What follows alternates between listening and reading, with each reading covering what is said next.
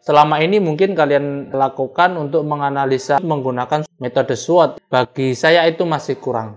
Untuk kali ini kita akan membahas tentang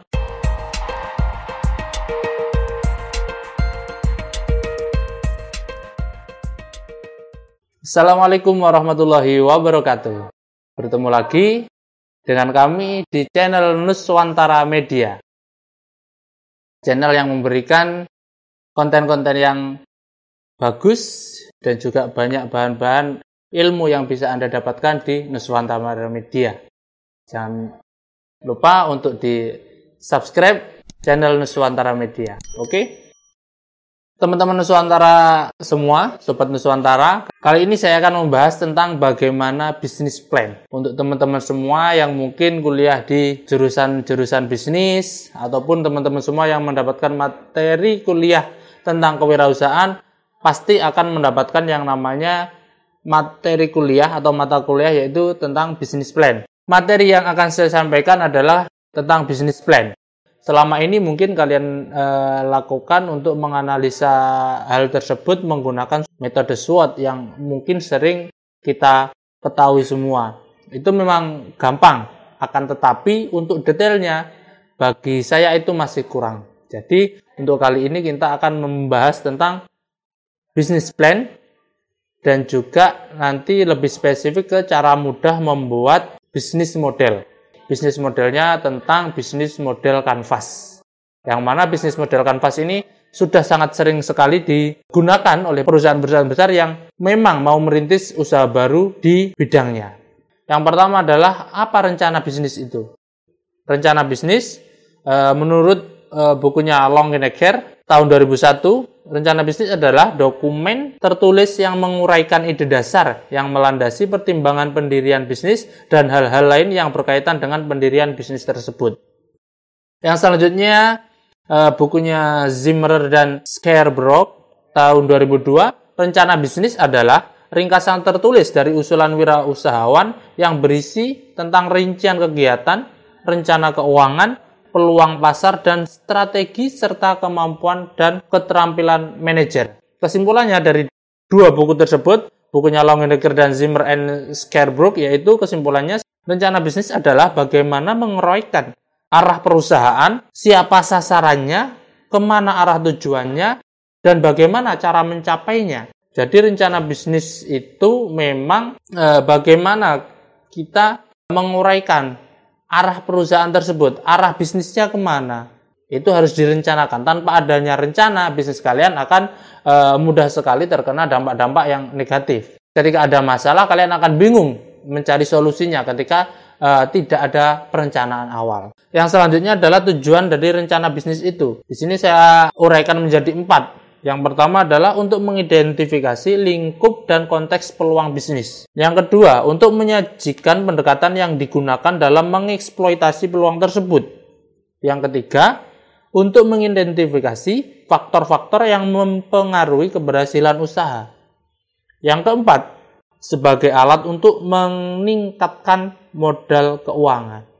Jadi dari empat ini yang pertama yaitu bagaimana kita mengidentifikasi peluang usaha atau peluang bisnis yang akan kita lakukan. Peluangnya seperti apa? Yang selanjutnya eh, yaitu dengan pendekatan untuk mengeksploitasi peluang tersebut. Bagaimana cara kita memanfaatkan peluang tersebut? Bagaimana cara kita bisa mengambil kesempatan atau peluang tersebut dijadikan sesuatu yang bisa mendapatkan keuntungan bagi kita. Yang ketiga itu untuk mengidentifikasi faktor-faktor keberhasilan, yaitu ketika kita pengen goalnya ke mana, memang harus ada rencana dan tujuan bisnis perencanaan bisnis ini adalah tersebut. Yang keempat itu adalah alat untuk e, meningkatkan modal keuangan. Seorang kreditur ataupun investor itu pasti e, ketika dia mau invest, yang pertama adalah yang dilihat adalah bagaimana rencana kalian. Tanpa adanya rencana, dia nggak mau memberikan invest karena dianggap kita kurang jelas dan kurang meyakinkan seperti itu. Jadi sangat penting sekali dari perencanaan bisnis tersebut. Kali ini saya akan e, membahas tentang bisnis model kanvas yang mana bisnis model kanvas ini banyak sekali perusahaan yang menggunakannya dan dirasa bisnis model kanvas ini lebih simple tapi efektif. Ada beberapa poin tetapi ketika kalian bisa memaksimalkan dari konsep bisnis model kanvas ini itu akan sangat besar sekali yaitu uh, bisnis model canvas adalah metode pemetaan strategi bisnis menyeluruh yang dikembangkan oleh konsultan dari Swiss yaitu Alexander Osterwalder pada tahun 2010. Uh, eh, Alexander Osterwalder di sini adalah memang dia adalah konsultan bisnis yang mana dia uh, menjadi konsultan bisnis-bisnis besar seperti ada Google itu juga menggunakan dia. Jadi waktu itu Stillwater ini menemukan metode yang simple tetapi efektif, yaitu bisnis model kanvas ini. Cukup menggunakan kertas kecil, kertas eh, satu lembar misalkan kertas manila ataupun cuma menggunakan papan tulis saja kalian bisa membuat bisnis model kanvas ini. Bisnis model kanvas populer digunakan oleh banyak perusahaan untuk menggambarkan operasi perusahaan karena bentuk pemetaannya yang sederhana namun menyeluruh dan kompleks. Tadi saya sudah sebutkan selama ini mungkin kalian cuma menggunakan SWOT saja ataupun teman-teman memang dari uh, mata kuliah kewirausahaan ada tugas untuk bikin bisnis model kanvas. Kali ini kita akan berusaha memberikan uh, informasi tentang cara mudah membuat bisnis model kanvas. Uh, ini adalah contoh bisnis model canvas. Ini ilustrasinya, tapi kalian bisa menyederhanakan saja dalam bentuk kotak biasa, terus kalian tulis isinya ini dari 9 poin ya. Bisnis model canvas itu ada 9 poin tersebut. Yang pertama ada value proposition, yang kedua ada customer segment, yang ketiga channel, yang keempat customer relationship, yang kelima revenue stream, 6K resource, ketujuh K partners, 8 key activity, 9 ada cost structure. Dari 9 poin ini kalian sudah bisa membuat bisnis model canvas. Cukup ada kolom-kolom di kotak-kotak ini ya. Kalian bisa memasukkan nanti poin-poin uh, penting untuk bisnis kalian. Langsung saja nanti kita juga akan uh, memberikan contoh dari beberapa poin dari 9 poin bisnis model canvas ini. Langsung saja. Yang pertama adalah value proposition, yaitu Perusahaan perlu mencatat value apa yang ingin disampaikan ke masyarakat. Value tidak selamanya harus berupa keunggulan produk, namun bisa juga diciptakan melalui experience, kekuatan brand, sejarah, dan lain-lain. Jadi, yang pertama kali harus kalian tentukan adalah kalian punya apa? Produknya seperti apa? Misalkan jasa-jasa apa? Kalian harus tentukan dari awal. Ataupun juga kadang ada yang dibalik by segmen uh, customernya dulu customer saya seperti apa. Ada yang juga saya punya produk nanti baru berbicara segmen customernya. Jadi yang lebih mudah ketika kalian memang punya produk, eh, kalian bisa berawal dari produk dulu.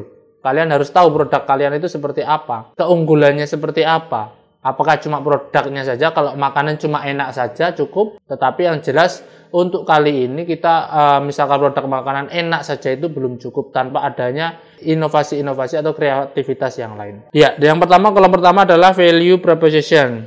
Contohnya kita ngambil contoh uh, kali ini kita perusahaannya adalah Starbucks. Siapa yang nggak tahu Starbucks? Value propositionnya Starbucks sudah bukan sekedar kopi yang nikmat, melainkan experience berupa kesenangan, kenikmatan, kenyamanan, dan kemudahan di Starbucks. Value proposition Starbucks patut dicontoh karena Starbucks mampu memberikan value yang tidak dapat disamai dengan oleh kompetitornya. Apabila Starbucks hanya fokus pada kopi, suatu saat kompetitor akan menemukan produk yang sama baiknya, bahkan bisa lebih. Karena itu, manajemen perlu mengidentifikasi value yang menjadi kekuatan perusahaan yang tidak bisa ditiru oleh perusahaan lain. Jadi Starbucks di sini bukan hanya menjual kopi saja, minuman kopi, akan tetapi di situ dia akan e, memberikan experience ketika kalian berada di cafe shopnya. Selain itu juga dia memberikan inovasi-inovasi, dia bukan jual kopi saja, dia punya roti-rotian itu, dan juga dia punya produk merchandise seperti tumbler dan lain-lain. Itu adalah value proposition dari Starbucks itu. Jadi kalau kalian punya usaha, kalian harus tahu apa sih keunggulan produk kalian. Apakah ada historinya? Berbicara kopi di Indonesia pasti historinya sangat tinggi sekali. Akan tetapi bagaimana kalian bisa mengolah story tersebut menjadi personal branding kalian. Ya, brand kalian akan melekat dengan itu. Yang selanjutnya di kolom yang kedua adalah customer segment. Seperti yang awal saya sebutkan, kalian bisa memulai dari value proposition ataupun dari segmen pasarnya dulu. Tetapi lebih enak ketika kalian mau pengembangan bisnis dari value proposition dulu, baru ke segmen customernya. Yang kedua di sini adalah mengisi kolom customer. Manajer perlu mengidentifikasi kelompok pasar yang menjadi customer perusahaan dan ciri-ciri konsumennya seperti apa. Contohnya kalau di Starbucks adalah kelompok masyarakat penikmat beverage, kelas menengah atas, penikmat kopi, anak-anak muda, pekerja kantor, warga perkotaan, warga urban, karena dia memang sasaran pasarnya yang uh, high class. Ada lebih dikemas menjadi lebih modern karena uh, Starbucks ini memang bukan dari Indonesia tapi dari luar negeri dari Amerika Serikat. Jadi standarnya dia adalah standar sana dari memang uh, segmen pasarnya adalah memang menengah ke atas. Kalian yang di kolom kedua ini kalian harus bisa menentukan customer kita itu siapa, karakternya seperti apa, bisa dianalisis demografinya seperti apa, kesenangannya apa, struktur sosialnya seperti apa. Eh, itu sebagai acuan analisis dari customer segment tersebut. Yang ketiga adalah channel. Bagian pemetaan di value diantarkan kepada kelompok pelanggan. Yaitu eh, dalam bagian ini perusahaan mendaftarkan bentuk-bentuk medium apa saja yang dimiliki perusahaan. Dalam kasus Starbucks, contoh Starbucks ini, proses mengantarkan value dilakukan di physical store Starbucks, toko offline-nya ya, yang tersebar di seluruh dunia. Selain physical store, Starbucks juga memiliki website, media sosial, program kolaborasi dengan Gojek, Grab. Selain itu juga Starbucks eh, tidak hanya dapat memesan di offline store, melainkan juga bisa dipesan melalui online. Jadi memang yang ketiga adalah channel. Channel itu sangat penting sekali untuk memasarkan produk kita, untuk e, mengekspansi produk kita biar e, jangkauannya lebih besar, kita nggak cukup ketika hanya e, melakukan di offline store-nya saja atau toko biasa. Jadi kalau kalian ingin mengekspansi lebih besar, kalian harus punya channel-channelnya. Yang pertama bisa bikin website, yang kedua bisa bikin uh, akun media sosial, bisa YouTube juga seperti ini. Ini bisa jadi gunakan untuk promosi. Ketika bikin aplikasi ataupun bekerja sama dengan Grab, ada Gojek yang bisa dimanfaatkan. Di poin channel ini sangat penting sekali. Kalian harus menuliskan poin-poin channel apa saja yang ingin kalian lakukan. Misal kalian bisa bikin aplikasi, bisa bikin pesan melalui aplikasi kalian sendiri tanpa adanya Grab dan Gojek, nggak apa-apa. Itu juga inovasi. Yang jelas channel ini sangat penting sekali. Yang keempat adalah customer relationship, yaitu mengidentifikasi usaha-usaha apa yang dilakukan perusahaan untuk berkomunikasi dan menjaga hubungan dengan pelanggannya. Hubungan dengan pelanggan itu sangat penting Contoh Starbucks melakukan engagement dengan pelanggan dengan menggunakan membership card. Dia punya official line yang mana dia juga bisa memberikan promo-promonya di situ. Kita bisa mendaftar sebagai membernya juga melalui line. Melalui member card, Starbucks memberikan promo-promo khusus yang personal kepada membernya berupa akses khusus sebelum peluncuran produk, tumbler, contoh program ulang tahun, point reward, dan lain-lain. Jadi, eh, customer relationship itu sangat penting sekali. Hubungan kita dengan pelanggan itu sangat penting sekali ketika hubungan dengan pelanggan kita tidak bagus, maka uh, produk kita juga uh, akan dipandang kurang bagus. Jadi bagaimana yang poin keempat ini kalian bisa membuat ataupun memasukkan poin-poin bagaimana kalian bisa menjaga hubungan kalian dengan pelanggan. Setelah kalian tadi tahu segmennya seperti apa, terus bagaimana nanti mempertahankan hubungannya dengan dia. Bisa melalui promo-promo, bisa memiliki card member dan lain-lain, memberikan reward dan lain-lain. Yang selanjutnya adalah kelima revenue stream. Bagian revenue stream adalah bagian di mana manajemen mencatat dari mana saja sumber pemasukan perusahaan. Untuk kasus Starbucks, penjualan tidak hanya terbatas pada produk kopi saja, tetapi juga ada bakery, bubuk kopi, saset, tumbler, membership, Intinya pada bagian revenue stream, sumber-sumber pemasukan perusahaan dicatat seluruhnya.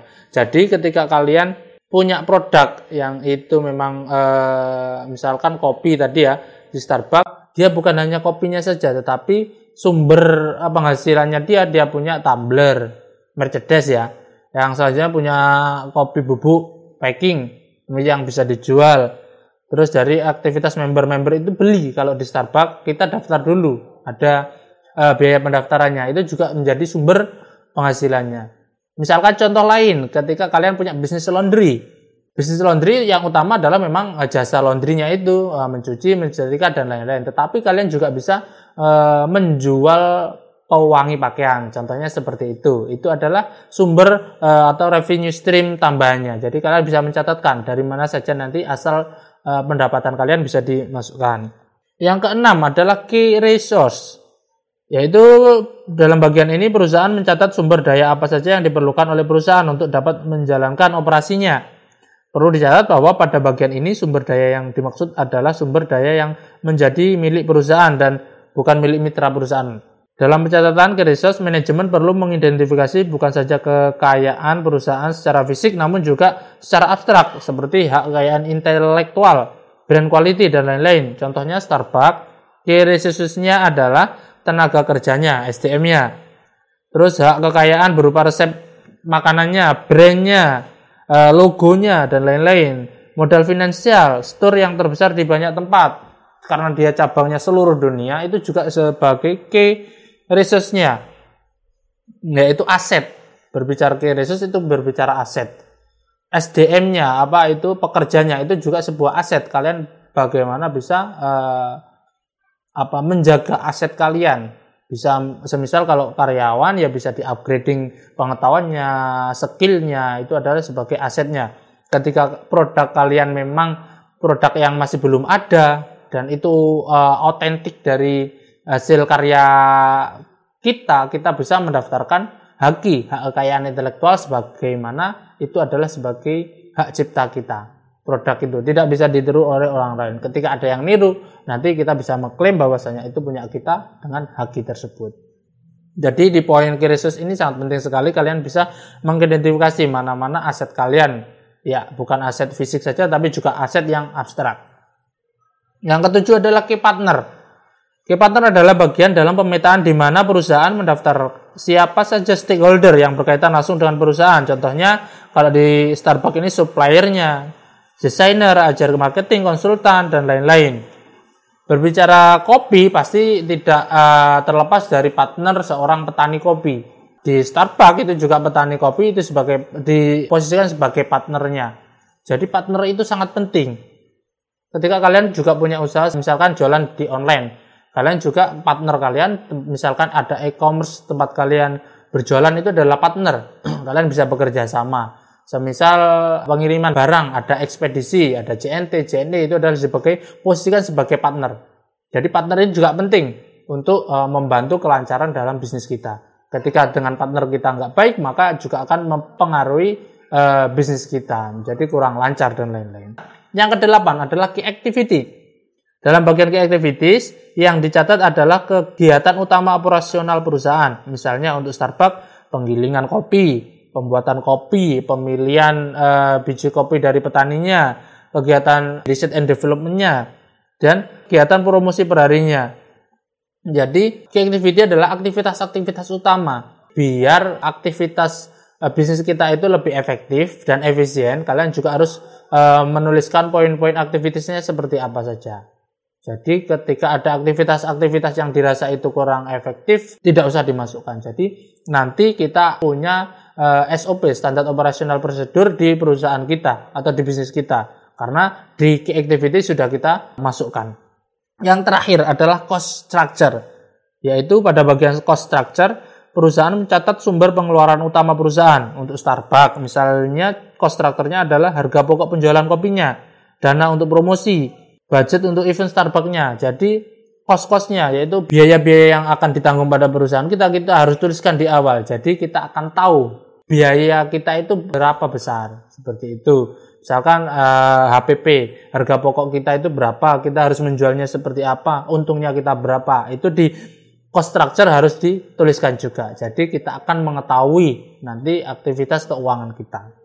Itu tadi adalah dari 9 uh, bisnis model kanvasnya uh, kalian bisa mengisi dari beberapa kotak di kolom-kolom itu sedetail mungkin. Jadi metode pemetaan bisnis dengan bisnis model kanvas memang sederhana, namun dapat merangkum seluruh elemen utama yang ada dalam perusahaan.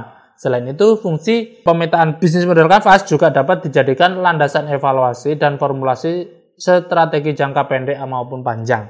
Pemetaan BMC sangat mudah dan sangat dianjurkan untuk diterapkan pada semua perusahaan karena sifatnya yang simple sehingga dapat diaplikasikan pada perusahaan besar maupun kecil. Jadi bisnis model kanvas ini sangat efek, uh, fleksibel, bisa untuk bisnis kecil, menengah ataupun besar. Menggunakan bisnis model kanvas ini sangat dianjurkan. Oh iya, kalian bisa ketahui juga uh, bisnis model kanvas ini nggak perlu kalian punya bisnis bisa bikin ini. Kalian siapa pun bisa. Bahkan kalian bisa menjual dari hasil bisnis model kanvas kalian itu kepada investor, kepada orang yang ingin usaha, kalian bisa menjual. Jadi sangat uh, untung sekali ketika kita bisa mengetahui atau mempelajari, bahkan bisa membuat bisnis model kanvas tersebut. Ya, mungkin cukup itu dari uh, penjelasan kali ini tentang bisnis plan. Uh, terlebih spesifiknya adalah tentang bisnis model kanvas. Jadi untuk teman-teman semua kalau ada yang ingin ditanyakan ataupun nge-share pengalaman tentang bisnis model kanvas bisa komentar di bawah nanti ya. Di komentar nanti silakan uh, share pengalaman kalian. Uh, jangan lupa juga subscribe dan juga uh, tombol lonceng dari Nuswantara Media. Nanti kita akan uh, berikan informasi-informasi aktual dan informasi-informasi yang sangat berisi, bermanfaat untuk kalian semua. Dan juga jangan lupa komentar maupun share ke teman-teman kalian. Like juga untuk video kali ini. Ya, mungkin cukup itu dari saya. Ada kurang lebihnya mohon maaf. Nanti kita akan ketemu di konten-konten selanjutnya. Ya, mungkin itu. Salam Nuswantara. Assalamualaikum warahmatullahi wabarakatuh.